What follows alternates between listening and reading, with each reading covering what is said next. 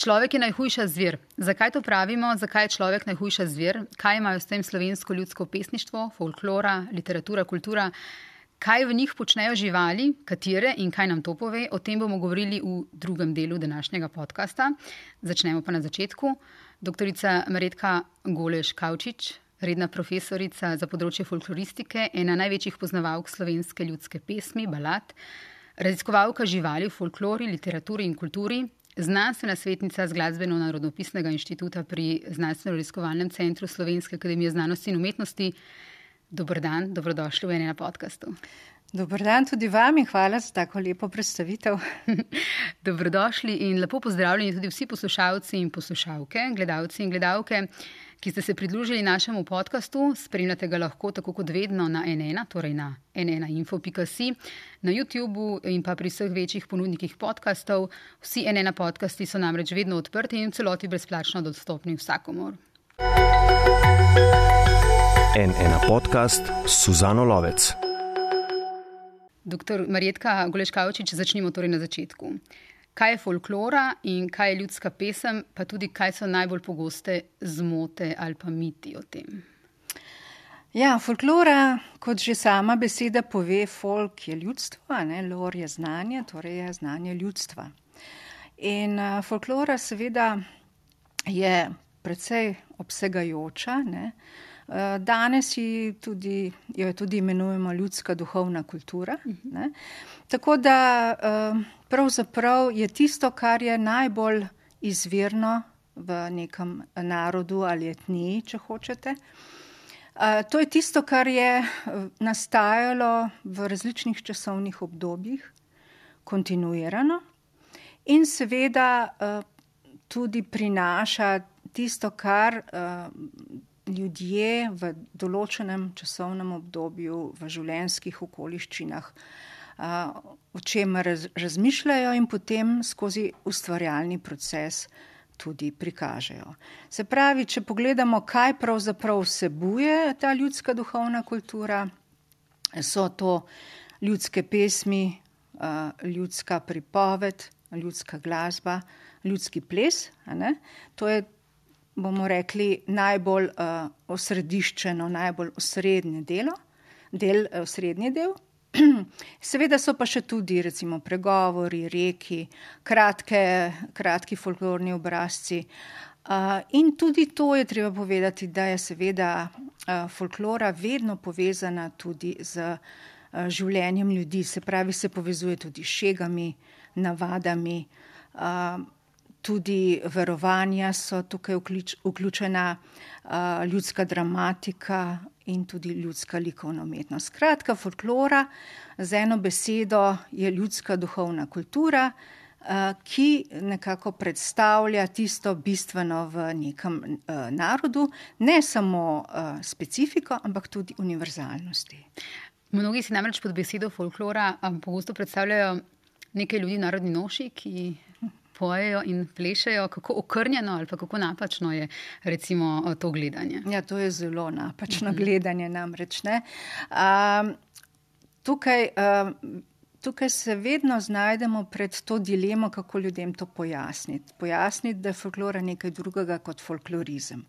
In namreč folklorizem je tisto obleke uh, v narodnih nošah in uh, poskušati biti avtentičen, čeprav uh, v današnjem času tega ni več, ni več funkcije. Namreč funkcija je tisto, kar je tudi za ljudsko izročilo zelo pomembno. Ne? In ta, te miti so res in potem tudi ne samo to.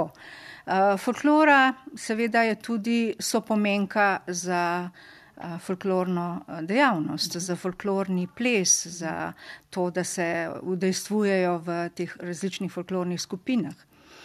Pa tudi še en, ena, bom rekla, ena stvar, je, ki je zelo pogosta v današnjem času, to pa, da folkloro uporabljamo tudi recimo v politiki, v publicistiki, vse povsod, ne, recimo folklora, današnja recimo politična situacija je fol, slovenska folklora in tako naprej.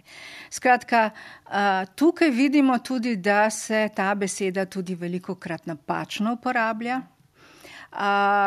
in uh, to, da, da se veliko krat tudi meša narodno zabavno glasbo s folkloro, mhm. da se meša neke domačijskosti s folkloro.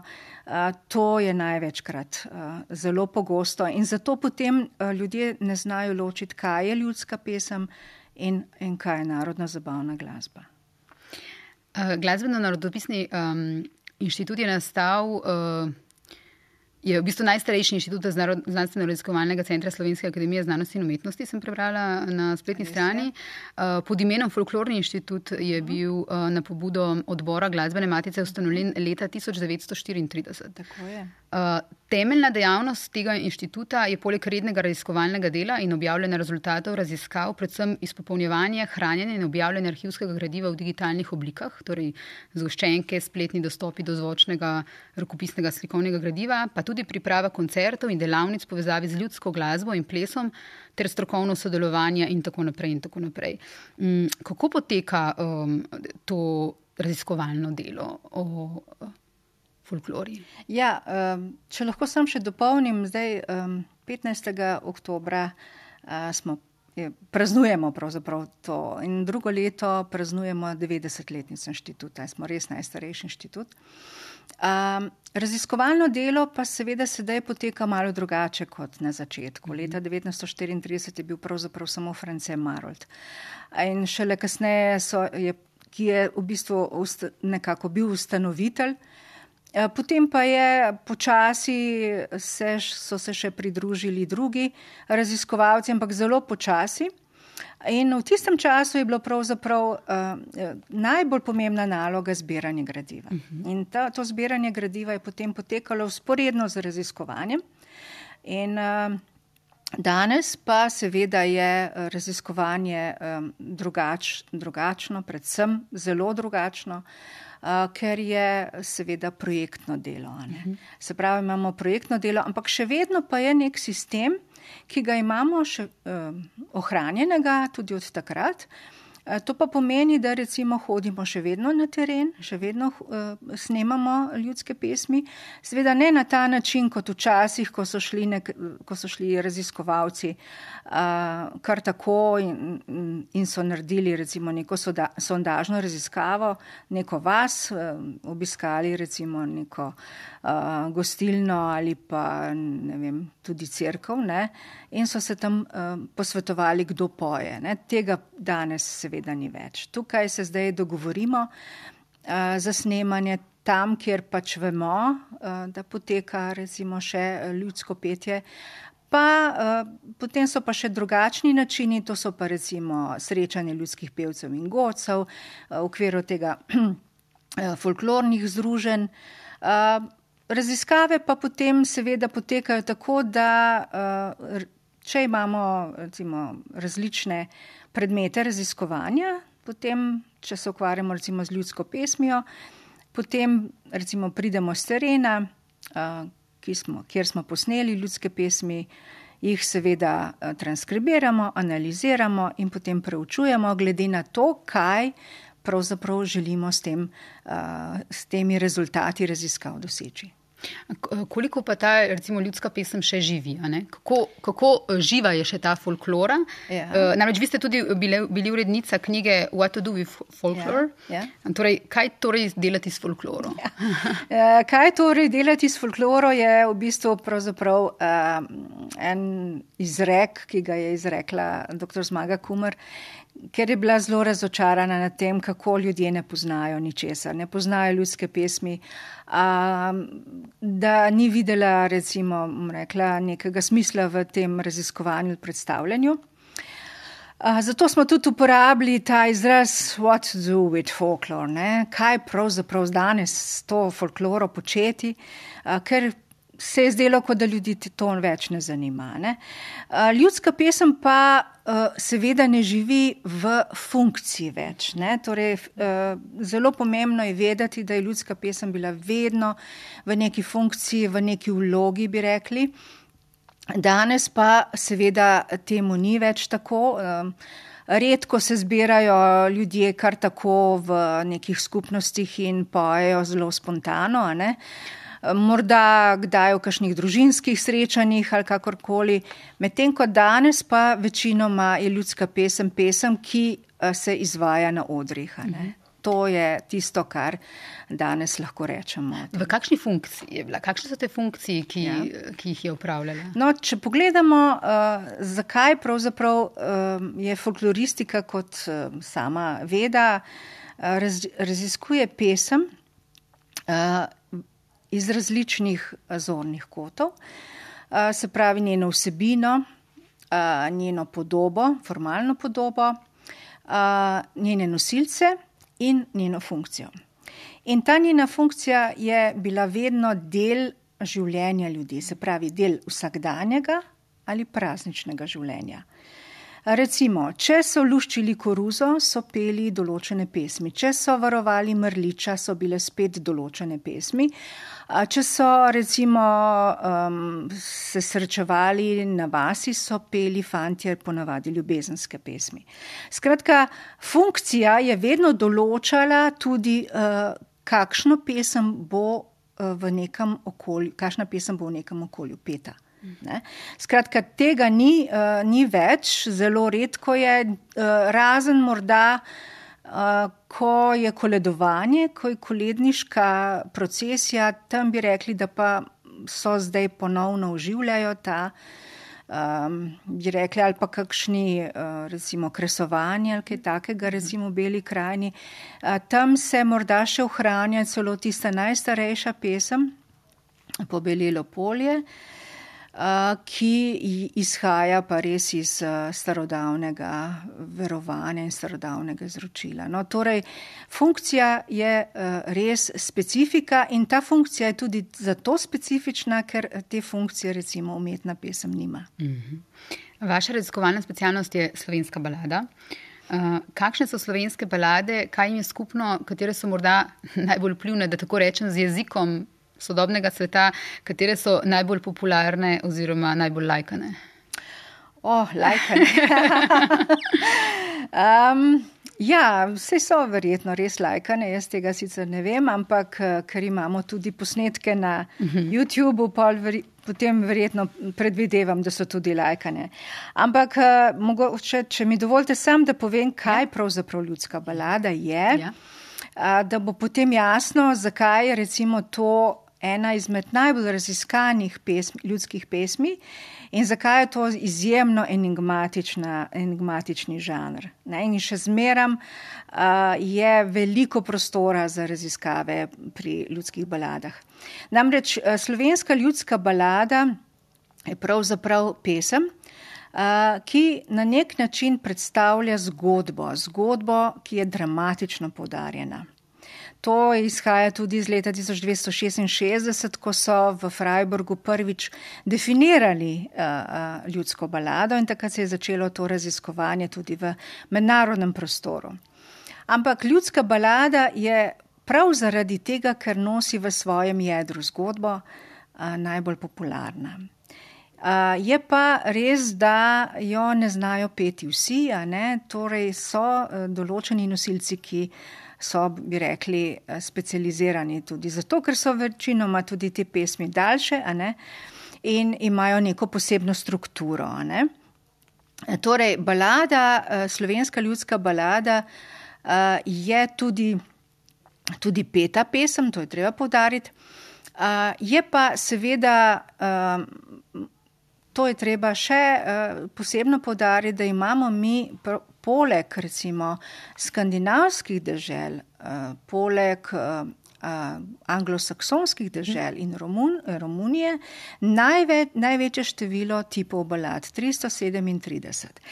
Uh, skratka, mi smo izjemno bogati v tem tipološkem smislu, se pravi, balade so izjemne. Imamo pa od pravličnih, bajeslovnih, uh, družinskih, ljubezenskih ne, in tudi živalske balade poznamo.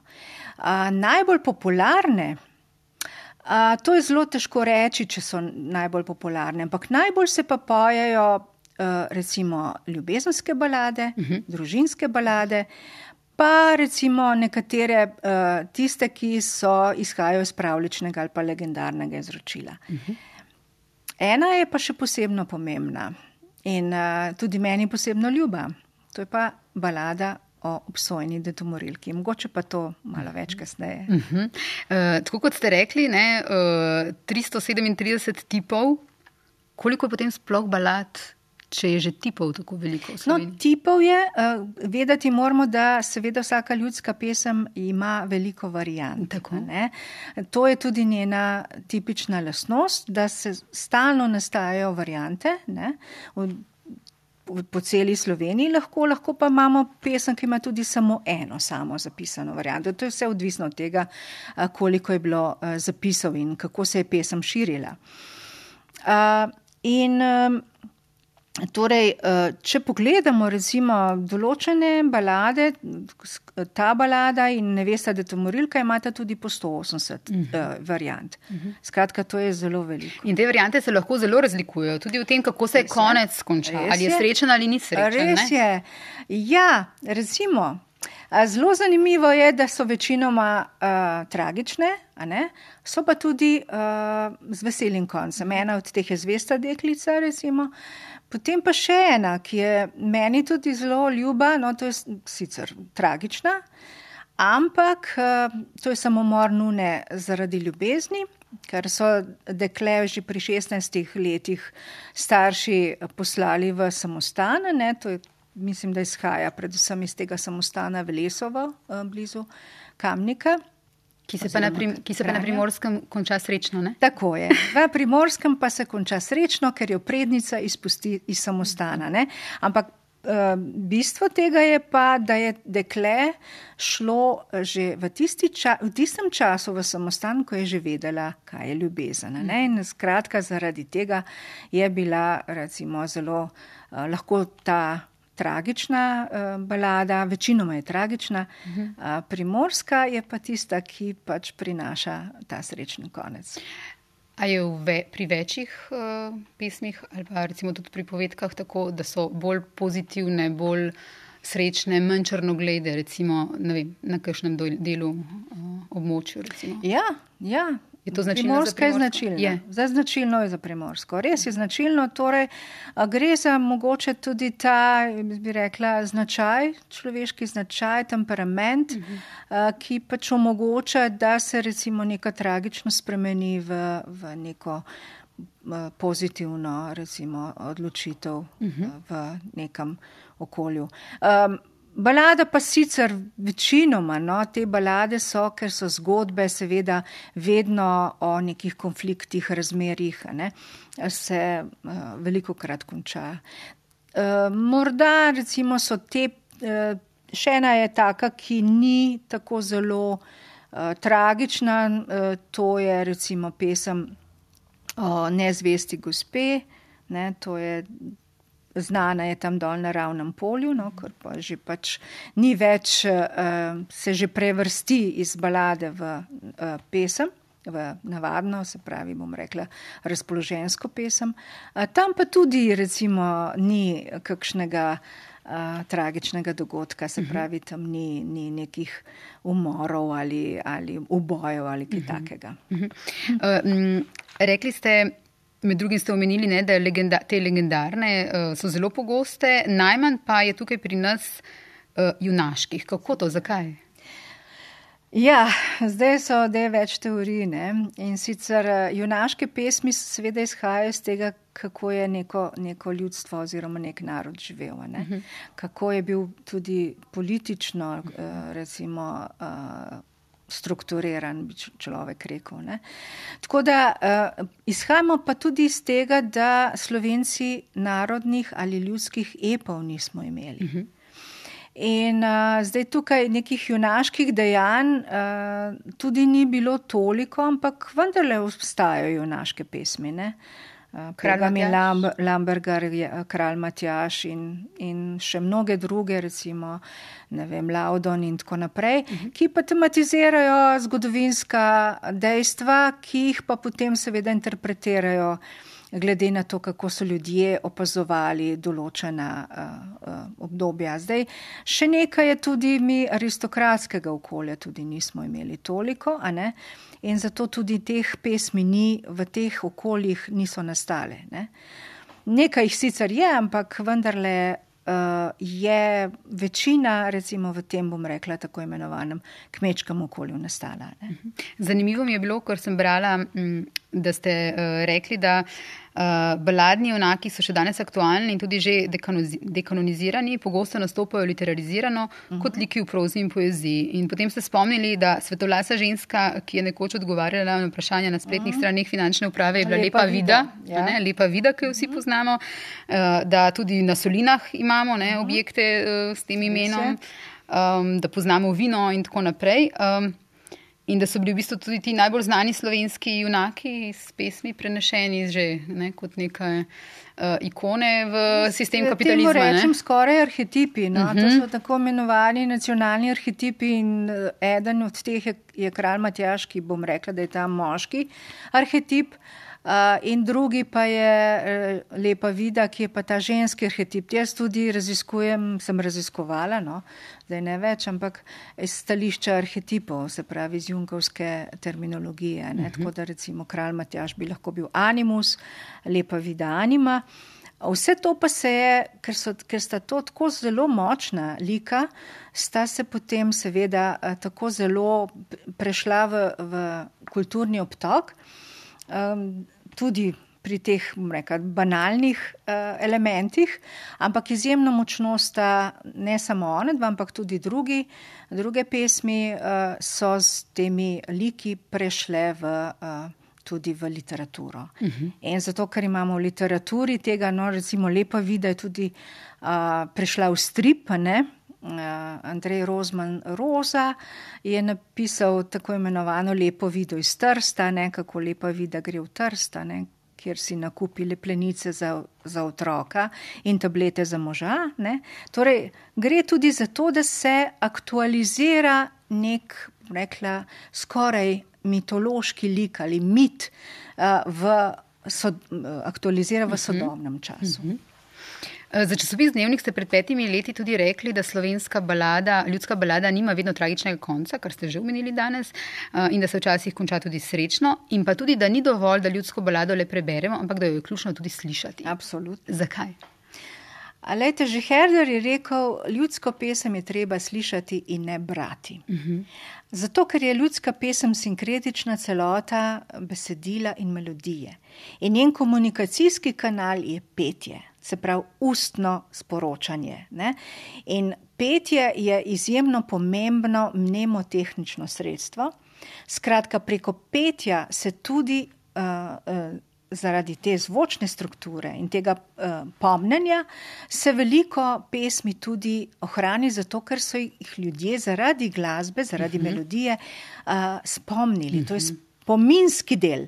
In zato je Poleg tega pa je res eh, melodija tista, ki pač uh, prinese to, da je ljudska pesem pravzaprav ljudska pesem. Ker imamo pa seveda tudi recimo uh, literarno, umetno pesem, ki pa je lahko glasbena, ampak se nikoli ne poje. In to je velika razlika med ljudsko in umetno pesmijo. Uh mhm. -huh. Katere pa so še zdaj, eh, ta odnos ne, med ljudskim in umetnim v poeziji, um, prozi in dramatiki, ki ga vi uh, raz, uh, raziskujete?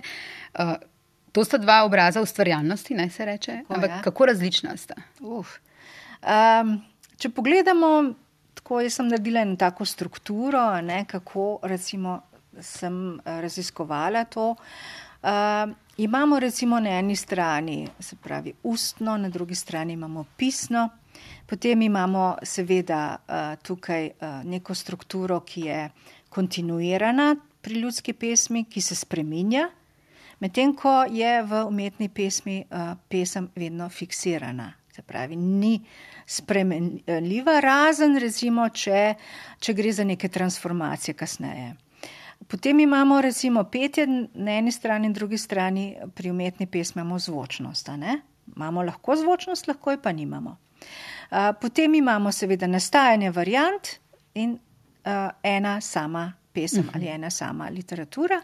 In potem imamo tukaj še v, pri pesmi imamo nosilce, jih imamo več, medtem ko tukaj imamo enega ustvarjalca, ne, literarnega ustvarjalca. Uh, in še uh, kontekst je različen. Ne. Kontekst eh, v ljudski pesmi je tisto, kar se uresniči v nekem folklornem dogodku, medtem ko kontekst v, pri, pri recimo umetni pesmi je pa tisto, kar recimo je neko pesnikovo, pisateljevo, filozofsko, ideološko obzorje, ki vpliva tudi na to. In še pesem je kontinuirana, ljudska pesem v vseh časovnih obdobjih, vseh literarno-zgodovinskih obdobjih, če hočete, medtem ko umetna pesem je pa odvisna od tega, kakšno obdobje literarno-zgodovinsko stopi.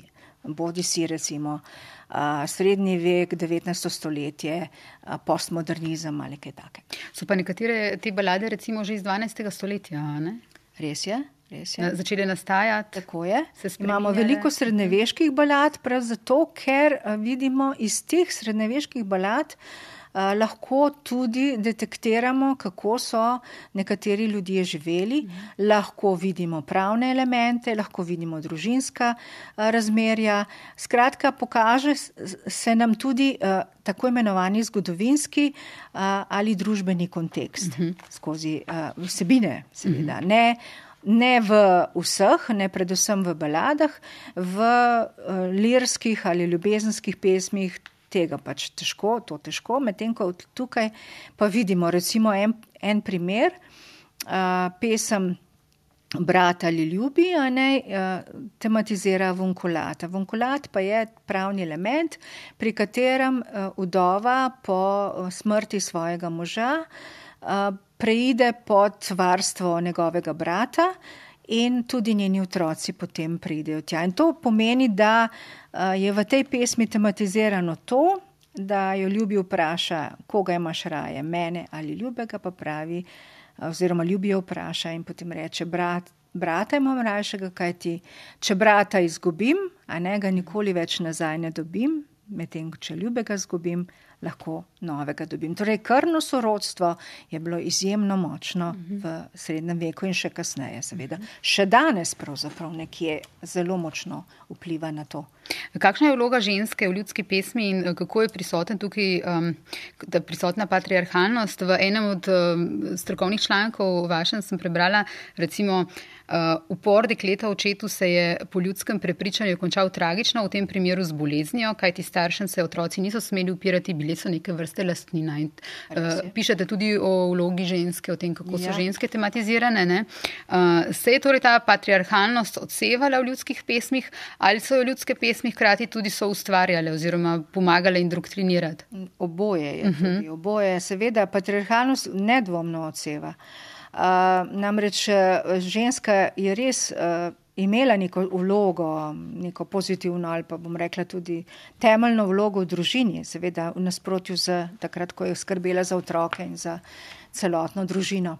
Uh, ko, pa, ko pa se je uprla zaradi kakšnih emotivnih, čustvenih, recimo ali česar koli drugega, uh, je seveda bila takoj kaznovana. Na eni strani je bila kaznovana od recimo roke moža ali pa očeta ali kogarkoli, po drugi strani pa od, od transcendence, se pravi od uh, Boga, ne? zato ker tukaj govorimo o, o Bogu, ker je pač večina recimo teh pesmi nastaja v tem katoliškem o, o, okolju. Uh, in seveda je ženska uh, imela neko funkcijo pri uh, pri seveda eh, otrocih, ne, se pravi, otroci so bili na nek način tudi lasnina. In če so jo razjezili, ne, recimo imamo tudi nekaj balad, pri katerih recimo ženska mati spremeni svoje otroka v vrani ali pa recimo EU nekako prekovne, recimo mhm. tudi prekovne neko dekle, pa ta postane potem kača in tako naprej. Ne? In tudi iz tega izhaja, da je bila ženska, da je bila mati razkačena, ker jo je razjezila in, in, in, in jo potem nekako uročila. Skratka, seveda pa Drug eh, element je, da tudi so ustvarjajo balade.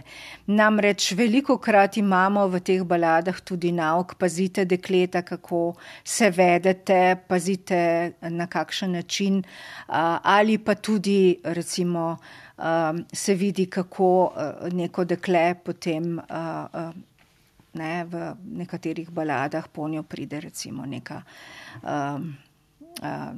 bomo rekli, nek hudič ali kakorkoli. Že v glavnem gre za to, to da uh, je um, skupnost, ker seveda pesem izhaja iz skupnosti. Mhm. Skupnost je vedno bila neka, bom rekla, uh, uh, nadzorni organ, če lahko temu tako rečem, ki je stalno kontrolirala žensko kot uh, tisto, ki uh, seveda. Načeloma ne, ne bi smela uh, individualno ravnati. Če je ravnala kot posameznica, je bila vedno kaznovana. Um, Ste pa tudi vodja projekta z naslovom Mislite živali. Mislite živali, transformativni vidiki raziskav živali v folklori, literaturi in kulturi. Projekt poteka v okviru znanstveno-raziskovalnega centra Sazuja. Uh, vi vlogo in pomen živali v folklori in literaturi preučujete od leta 1999. Uh, kakšna je ta vloga, zdaj bom zelo široko to zastavila, kakšna je vloga živali uh, in kako zelo se spreminja? Ja, eh, tale, če mi dovolite, no, je samo pač en korak nazaj. Jaz sem začela raziskovati uh, ljudsko pesem in sicer podobo človeka. Uh -huh. Potem sem šla na podobo ženske uh -huh. in na koncu sem prišla do podobe živali. Uh, zakaj? Uh, ko sem uh, raziskovala, seveda je to tudi moja individualna strast, ne bom rekla odločitev. Eh, ko sem raziskovala ljudsko pesem, sem ugotovila, da so živali marginalizirana bitja. Folklore. Da nikogar niso pretirano zanimali, da če so, jih, če so jih živali zanimali, so jih zanimale v motivno-tematskem smislu, kot motivi, teme, simboli, substituti za človeka. Uh, mene pa je prav zaradi tega, ker sem se začela uh, ukvarjati z, z raziskavo uh, živali tudi v literaturi, um, sem ugotovila, da je naša perspektiva iz današnjega časa uh, tista, ki mora uh, seveda pogledati na žival uh, v folklori tudi drugače. Folklori, literaturi in kulturi. Uh -huh. Uh, in uh, seveda prva stvar je uh, ta, bom rekla, filozofski okvir, Eh, ki sem ga vzela, in ta filozofski okvir je, da so živali meni osebno in tudi pač tistim, ki se s tem ukvarjajo, ontološko ekvivalentne. -hmm. Skratka, za me so živali enakovredna bitja človeku. In iz tega stališča sem potem začela razmišljati o tem, kaj pravzaprav, uh, kako lahko uh, začnemo drugače brati ta uh, uh, ta besedila. In ali nam sporočajo tudi kaj drugega? Ne samo to, da je recimo vem, ptica prerokovalka ali prinaša neko sporočilo, ali je ta ptica resnična ptica. Ne? Skratka, poskušala sem ugotoviti, ali lahko z novimi, bom rekla, metodološkimi in teoretskimi načini poskušam predstaviti žival na drugačen način. In leta 1999 sem prvič eh, začela, uh, sem raziskovala to znamenito balado, živalsko balado Lovčev pogreb, ki je znana kot panska končnica in najbrž vsi poznajo to pansko končnico. In uh, sem uh, ugotovila, da pravzaprav lahko ta narobe svet uh, obrnemo v pravi svet. Se pravi, da vidimo, te živali tudi, kako so pravzaprav živele, če pogledamo, da so peljale uh, lovcah po grebu, kaj je tisto, kar nam prinaša sporočilo te balade. Se pravi, ali so živali res samo substitut za človeka, ali so res samo figure v nekem uh, okolju, ali pa so to resnična bitja. In če so resnična bitja, potem je naš odnos do teh resničnih biti je treba uh, ga spremeniti. In če, ta, če nam uh, folklorna besedila ali pa literatura prinašajo tako imenovano občuteno stvarnost, je tudi naša dožnost, da pokažemo, da je seveda naš odnos do živali napačen. Uh mhm. -huh. In um, besedila, folklorna besedila in literarna besedila prinašajo uh, tisto, kar uh, bi lahko recimo vidimo tudi v, v današnjem življenju. Zdaj, če pogledamo, recimo, če imamo neko basen ne, ali pa basensko besedilo o tem, da je recimo lovec ustrelil psa, ne, vidimo, da je tukaj resnično, resnično se zgodilo, da je pač bil pes ubit. Skratka, nam nekaj, kar se je zgodilo v fiktivnem okolju, pokaže, da se to lahko zgodi tudi v resničnem življenju. In to je tisto, kar je potem me vodilo k temu, da sem začela tudi raziskovati uh, in pritegnila uh, različne druge teorije, razimo uh, teorijo ekokritike, teorijo kritične animalistike in potem seveda tudi ta, bom rekla, družbeno-politični uh, vidik uh, uh, vključila v to in uh, zato potem čisto na drug, drugačen način uh, poskušala gledati uh, vlogo in pomen živali v vseh teh uh, treh vidikih, se pravi od folklornih besedil prek literature, literarnih besedil do recimo kulturnih praks, če, uh mhm. -huh. če hočete. Uh mhm. -huh. V knjigi Marka Snoja, etimologa o imenih slovenskih psov, ste prispevali poglavje o psu v slovenskem uh, leposlovju in folklori. Kakšen je pes v slovenskem leposlovju in folklori? Uh, najpogosteje v folklori sicer na slovenskem pravite vi najdemo ptico, Uh, pes pa se v slovenski ljudski pesmi pojavi zelo redko, kot da bi bil, vaše besede, nepotreben ali pa kot da je njegov obstoj samoumeven, a v basnih in pravljicah in povedkah oziroma v ljudskem pripovednem izročilu je pa pes močno navzoč tudi v pregovorih in tudi v pregovorih in rekih. Zakaj ta razlika, odkje? Ja, poglejte, pesenska, pesenska besedila so kratka besedila, uh mhm. -huh. večinoma. Edino balade so, so tiste, ki lahko nekaj povedo. Pes nikoli ni bil uh, protagonist, uh mhm. -huh. se pravi, glavni junak. Nikoli. Zelo redko v pesmih. Večinoma je, bom rekla, kot nek spremljevalec, kot sopotnik. V pesmih namreč. Mhm. -huh. Razen v nekaterih pesmih, ki pa, so, ki pa niso, bom rekla, doživele toliko variant, da bi človek rekel, da je pes res uh, tisti, ki je uh, glavni junak. Namreč gre za to, da no, to, recimo ena pesem je, ko, ko recimo psa ubijo na mesto volka ali pa um, je pes recimo uh, kaznovan zato, ker se je nek, nekje ponečedil in potem je ta pesem uh, nekako prikazuje uh, beg tega psa in potem uh, njegov uboj in tako naprej. Ampak to so redke, redke uh mhm. -huh. pesmi. Uh -huh. Medtem ko v pripovedništvu pa uh, tega imamo pa veliko zravno zaradi tega, ker lahko v pripovedništvu uh, stkemo neko zgodbo o uh, recimo razmerih med psom in drugimi živalmi, pa med psom in človekom. In s tem lahko uh, prikažemo psa kot recimo tega, um, rekla, junaka, ki predstavlja recimo neko, nekega tistega, ki vendarle uh, je recimo pomemben v nekem mhm. okolju.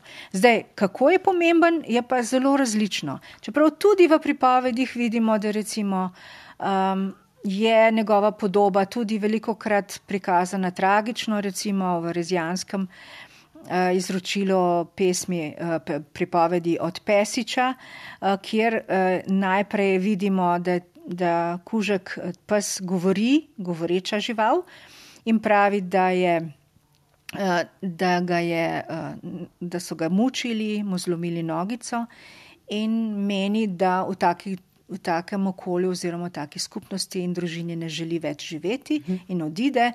Uh, Torej se upre, to je pa ena izmed takih redkih, kjer recimo vidimo tudi tako imenovan uh, upor uh, živali. Uh -huh. In uh, seveda razmerja imamo tukaj velika med uh, antagonizem, vidimo med uh, Eh, prosto živečimi živalmi, živalmi gozda in med psom, recimo pes je vedno v, v nekem konfliktu z recimo, različnimi živalmi, od lisice, medveda, volka. Mhm. -huh. Medtem ko ne bi varoval petelina, kokoši in tako naprej.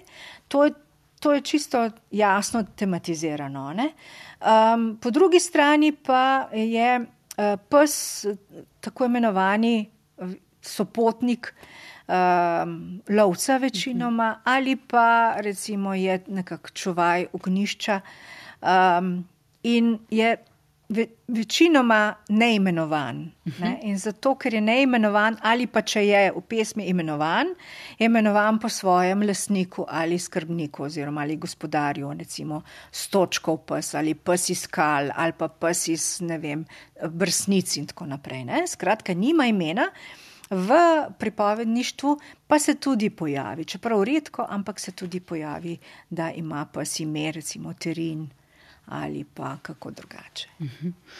Mm, tukaj je, po moje, torej, velika razlika med tem, kako so včasih dojemali psa in kako je zdaj dojet v današnji Absolutno. družbi. Absolutno. Poglejte, če pogledamo to, da, sta, da, da so ocenili samo tri lasnosti, mm predvsem zvestobo, potem uh, tisto, kar pomeni, da je uh, nekako iznajdljiv, ne, da se recimo lahko odzove. Uh, in recimo podrejenost. Mm -hmm. to, so, to je tisto, čeprav recimo tudi so cenili inteligenco, ampak ne vem v kakšnem smislu.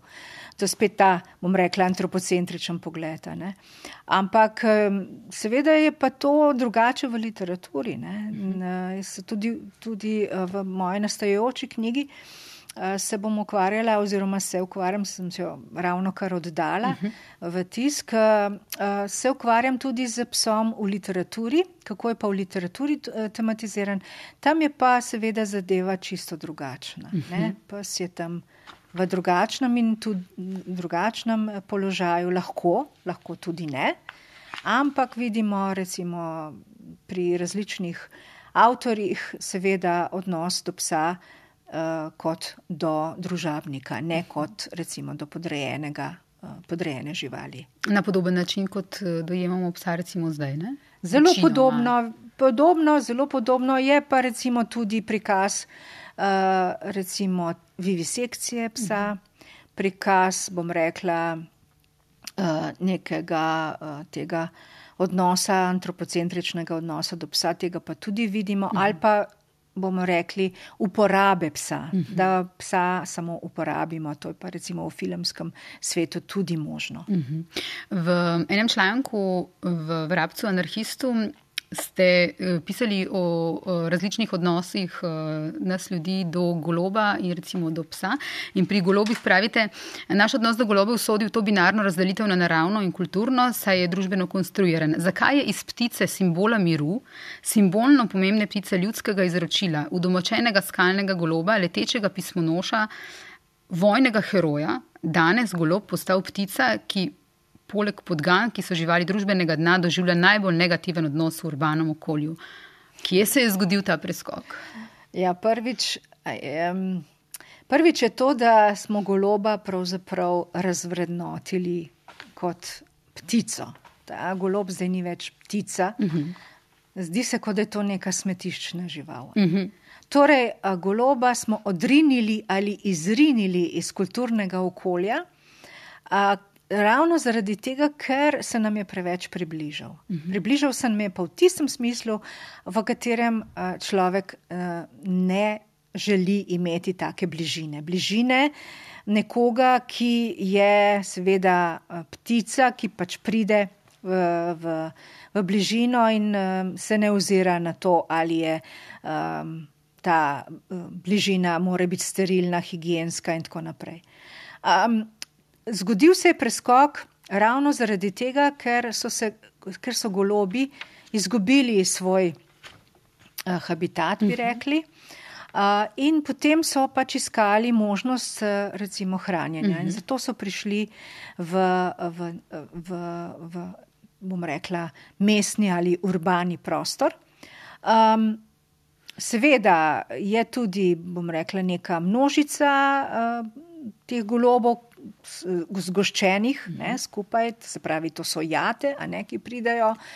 Uh, in ljudje so potem, seveda, um, popolnoma odklonilni zaradi tistega, kar pač ljudje menijo, da je atribut goloba v urbanem prostoru. To pa je, da je pač higijensko oporečen, da, recimo, da je nadležen in, in da pač nekako ne izpolnjuje več funkcije ptice v tistem duhovnem ali tem tako imenovanem lepem smislu. Se pravi, golob ni lepa ptica. Ne? In če ni lepa ptica, to potem ta estetika zelo, zelo močno vpliva na naš odnos do, do živali. In, in predvsem. Uh, začela, začela se je, seveda, tudi, nekak, bi rekli, neka, neka gonja uh, proti golobom iz stališča, čež da so prenašalci bolezni.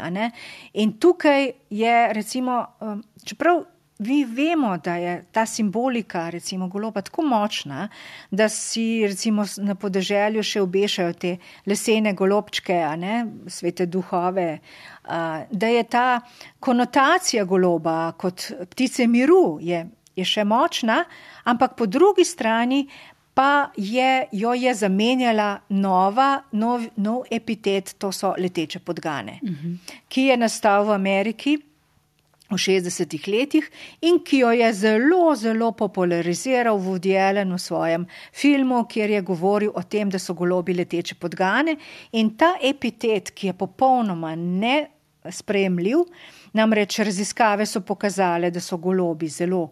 Um, bom rekla, zdravi, tudi v, Slovi, v Ljubljani so, je potekala ta raziskava.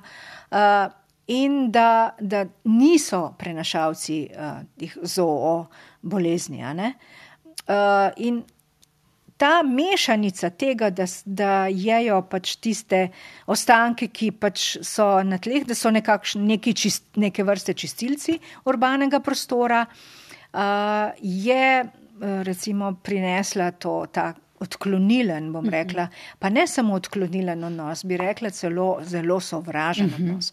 Ampak tukaj je še ena stvar. Če, če mi dovolite, v Ljubljani je celo nastala prepoved hranjenja mhm. ptic, ne samo golobov, tudi ptic. In tukaj je potem nastal en tak, bom rekla, konflikt ne, med tem, da ne gledamo ptice oziroma goloba več kot ptice, ampak kot zgolj neke smetiščne živali, ki nam je popolnoma uh, neznosna v nekem smislu in ki naj bi jo recimo se na nek način znebili.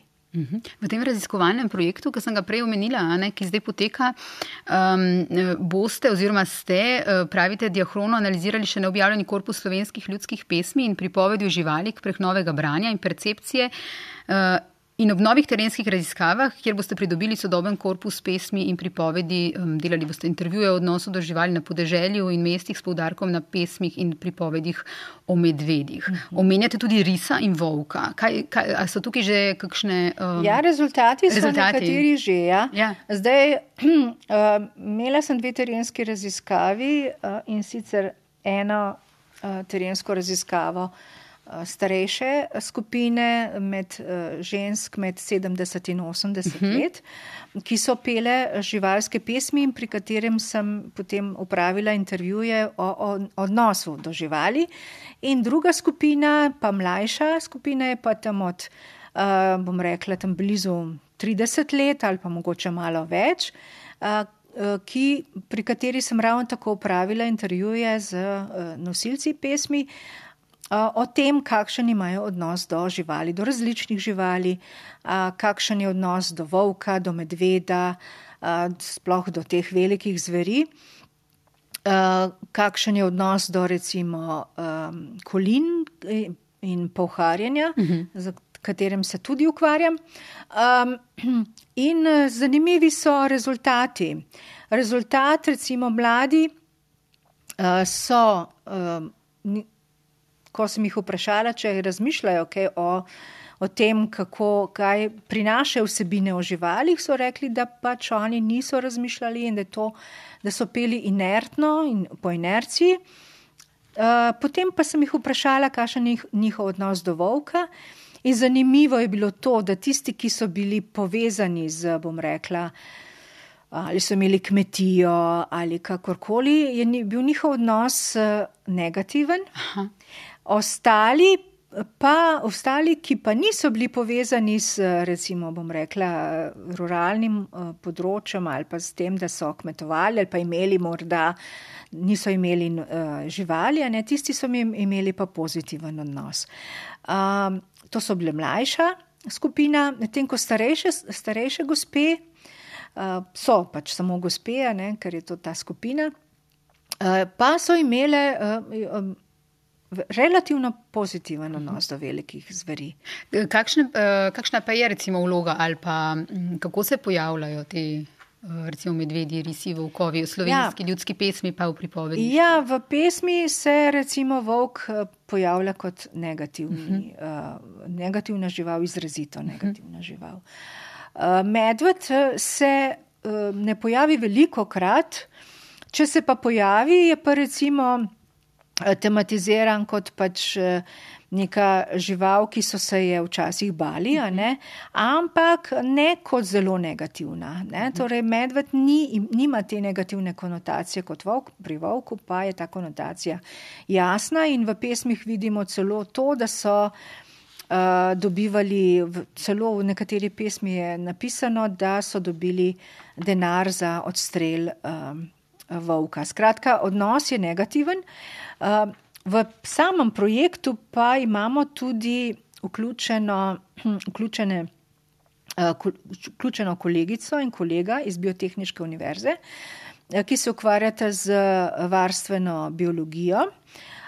In one dva pa recimo ugotavljata, kakšne so tako imenovane ekosistemske storitve glede velikih zveri, spravi, kako bi mi, kako bi na nek način poskusili ta negativni uh, vidik uh, pogleda na, na volka ali medveda spremeniti v pozitivni. Uh -huh. In to je pa tisto, kar bo drugo leto morda že rezultat. Imeli smo že na okroglo mizo uh -huh. o pomenu zveri, velikih zveri. Eh, kjer se je pa pokazali, da je pokazalo, kar moram povedati, da pač biologi in humanisti stojimo na dveh bregovih. In upam, res upam, da bomo našli neko skupno točko. E, kako je pa z risom v ljudskem pripovedništvu? Risa pa... pa ni. ni. Risa pa sploh ni. Ris ne obstaja v ljudskem pesništvu. Za razliko od lisice, verjetno? Lisica je pa izjemno uh, močno. Ja. Um, ja, lisica je pa pravzaprav ena izmed uh, tistih živali, ki nastopajo zelo pogosto. Uh mhm. -huh. Tudi s to konotacijo uh, zvitosti, uh -huh. ki to, temu jaz rečem uh, antrop, antropomorfizem, ne, se pravi, mi svoje lastne poglede, antropocentrične poglede prenašamo na, na žival.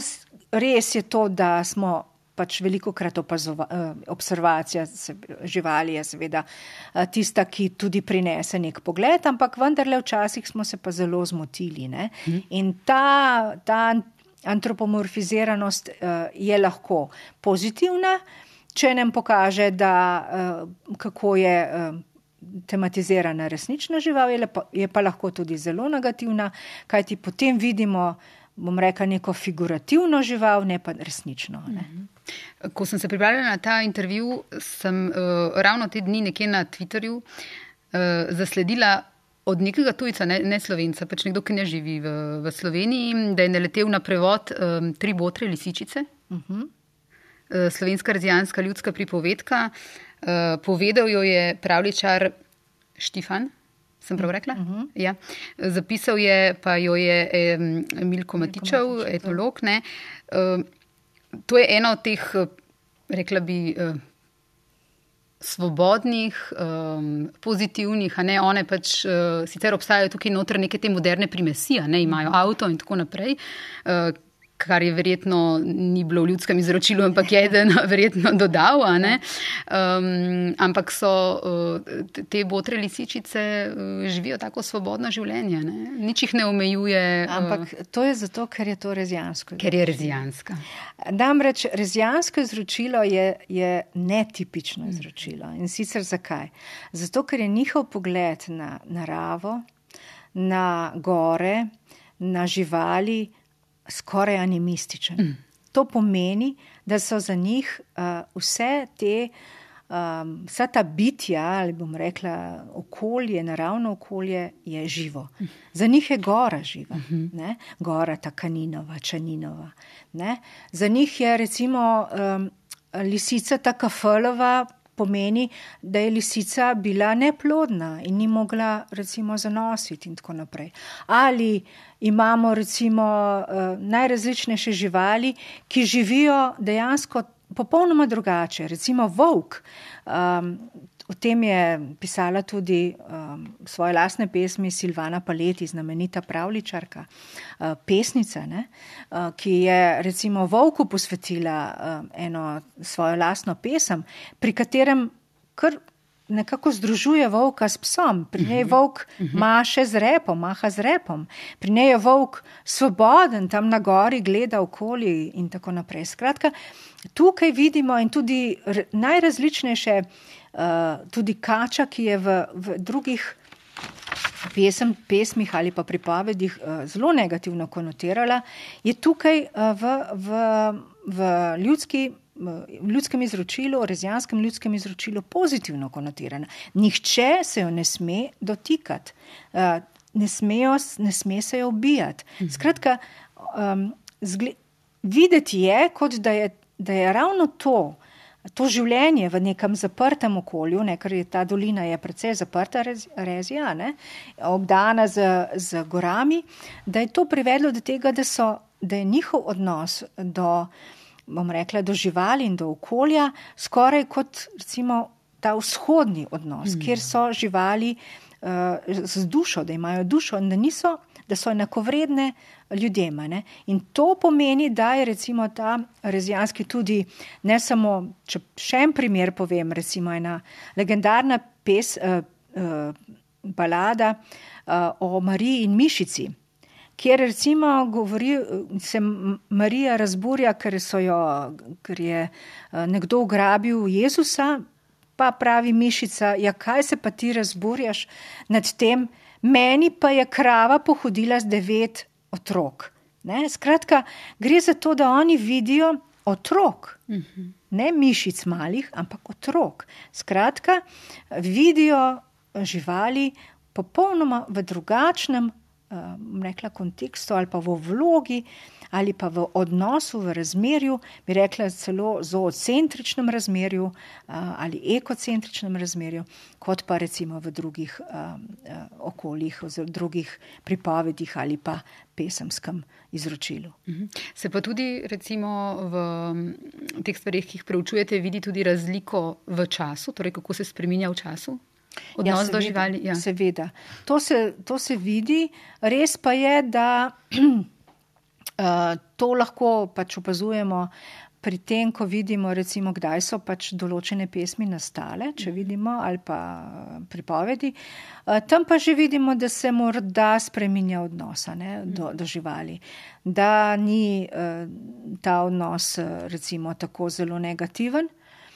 Čeprav, recimo, če pogledamo recimo v neko literaturo 20. začetek 20. stoletja, recimo slovenske moderne, pa vidimo tudi um, recimo, odnos do živali kot do biti, ki, uh, ki nimajo nekega svojega, bom rekla, uh, položaja oziroma s katerimi se ne ravna. To je recimo Cankar uh, povedal v svojih uh, črticah, črticah iz tujega življenja. Uh, kjer tematizira tudi, um, bom rekla, strašne zločine nad, nad uh, živalmi ne, in uh, tudi prizna, ne, da je človek uh, si ustvaril to, bom rekla, antropocentrični pogled na, na svet, kjer je on sam v središču.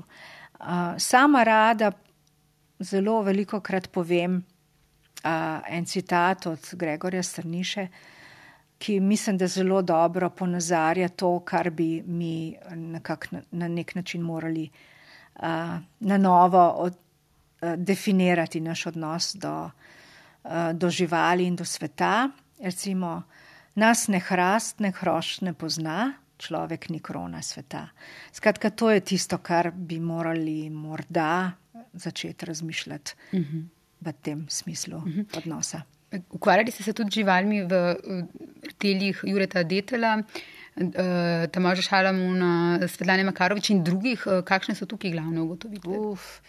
Tukaj pa lahko rečem, da gre skoraj za gradacijo odnosa, pozitivnega mm -hmm. odnosa do živali. Recimo, že, če pogledamo Tomaža Šalamuna, eh, ki ima, bom rekla, cel bestiari živali v svojih pesmi.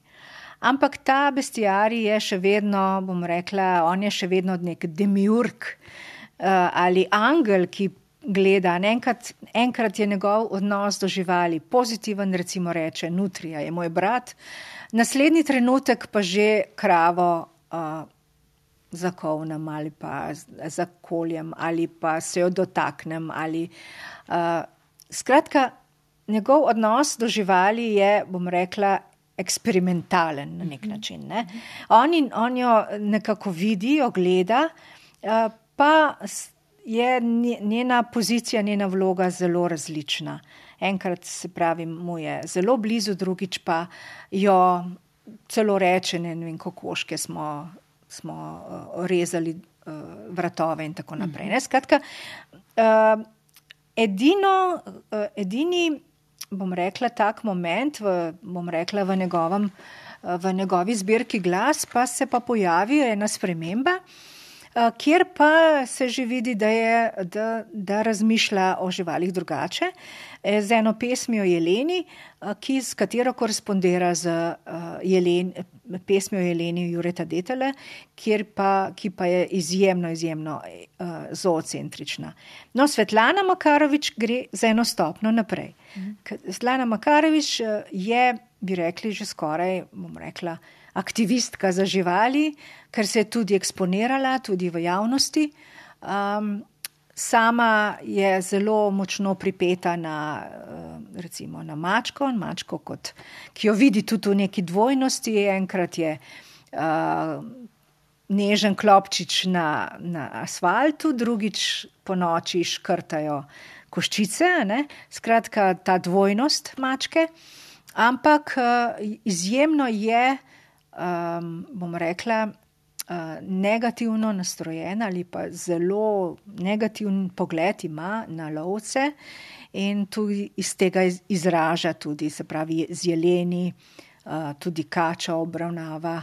Uh, Posebno recimo na Limbarski gori združi pesem Limbarska gora, združi recimo ta uh, tri elemente. Eno je recimo uh, lov, ne, se pravi lovca, po drugi strani neka domačijskost ali harmonika, in tretja stvar je recimo ta, bom rekla, odnos do, do cerkve, tukaj ona združuje vse skupaj.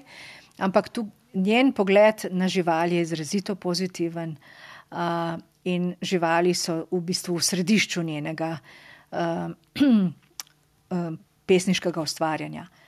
Najbolj pa se je živalim približal v tem, bom rekla, zoo, bom rekla, pozitivnem odnosu, zookritičnem ali zoocentričnem odnosu, to pa je Jure Detela. Uh mhm. -huh. Za Jureta Detela so pa živali bitje iz tujih svetov. Uh -huh. a, Ki, za, kate, za njega so pravzaprav ne samo, da so mu enako vredne, za njega so celo uh, nadbitja. Mm -hmm.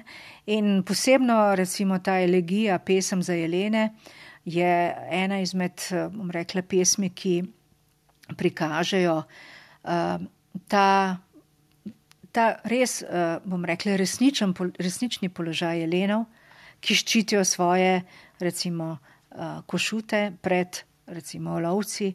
In um, v nešteto, nešteto uh, pesmih uh, izraža. Um, ne samo naklonjenost, ampak uh, tudi to, da bi morali uh, priznati svetost življenja, ne samo človeku, ampak tudi živali. Uh -huh.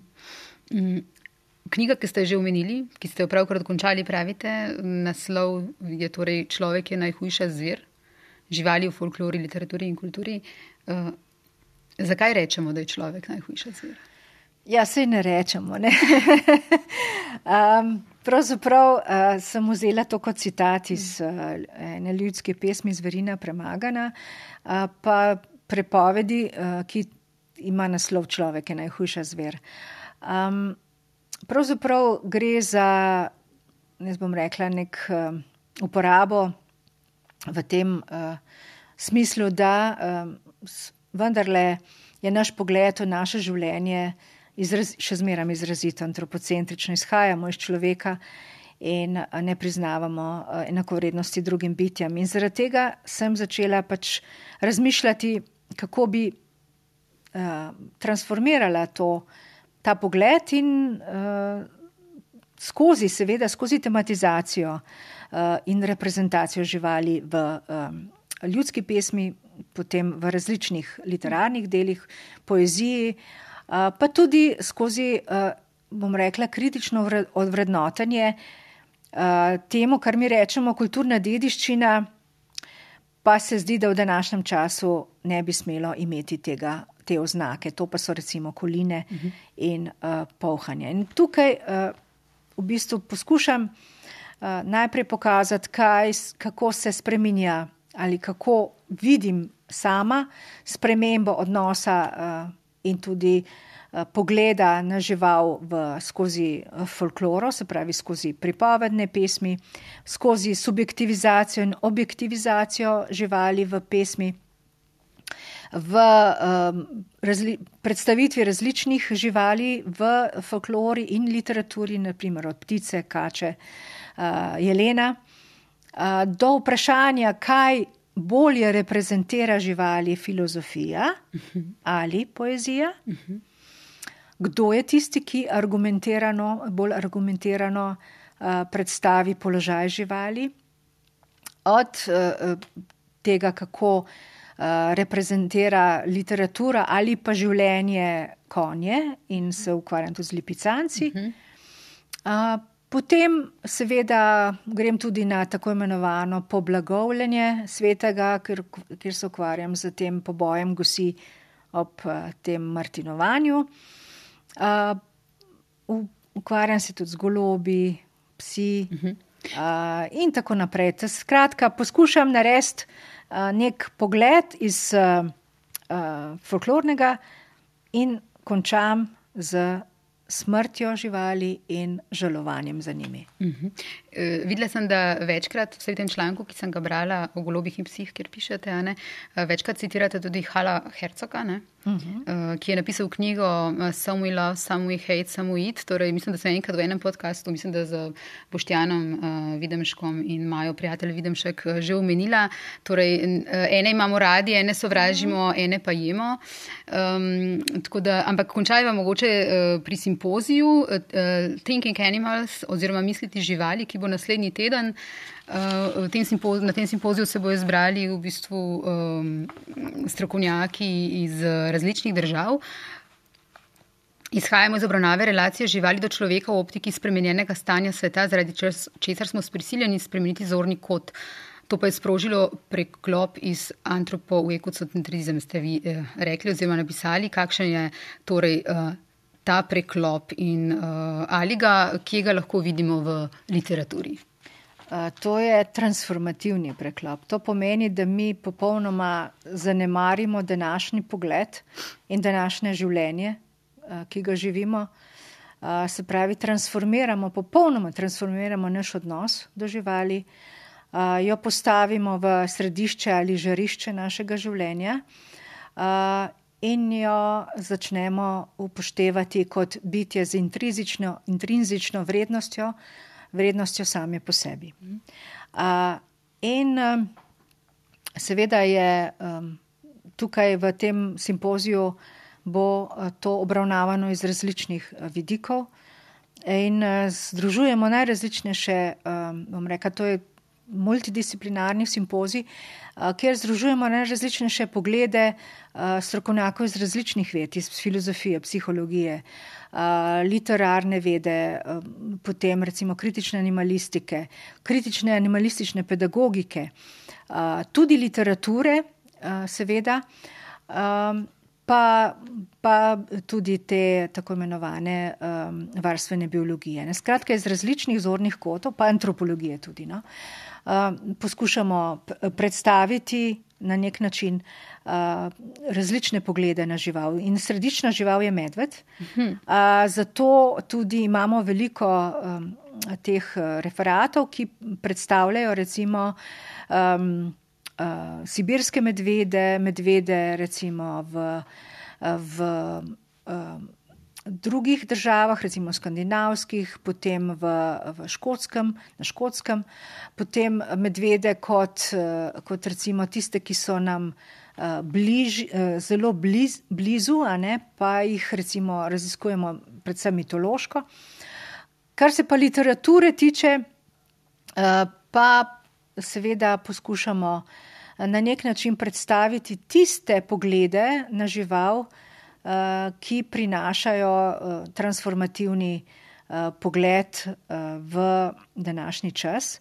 Se pravi, da nam literatura omogoča, da drugače mislimo stvarnost in s tem, ko drugače mislimo stvarnost, tudi se pravi, drugače ravnamo Se pravi, nam, nam literatura omogoča, da vidimo, uh mhm. -huh. da vemo, uh mhm. -huh. in ko vidimo in ko vemo, spremenimo naš odnos do živali. Najlepša hvala za gostovanje v enem podkastu in za vaše odgovore in pojasnila. Najlepša hvala za vabilo in za prijetno, po, prijeten pogovor.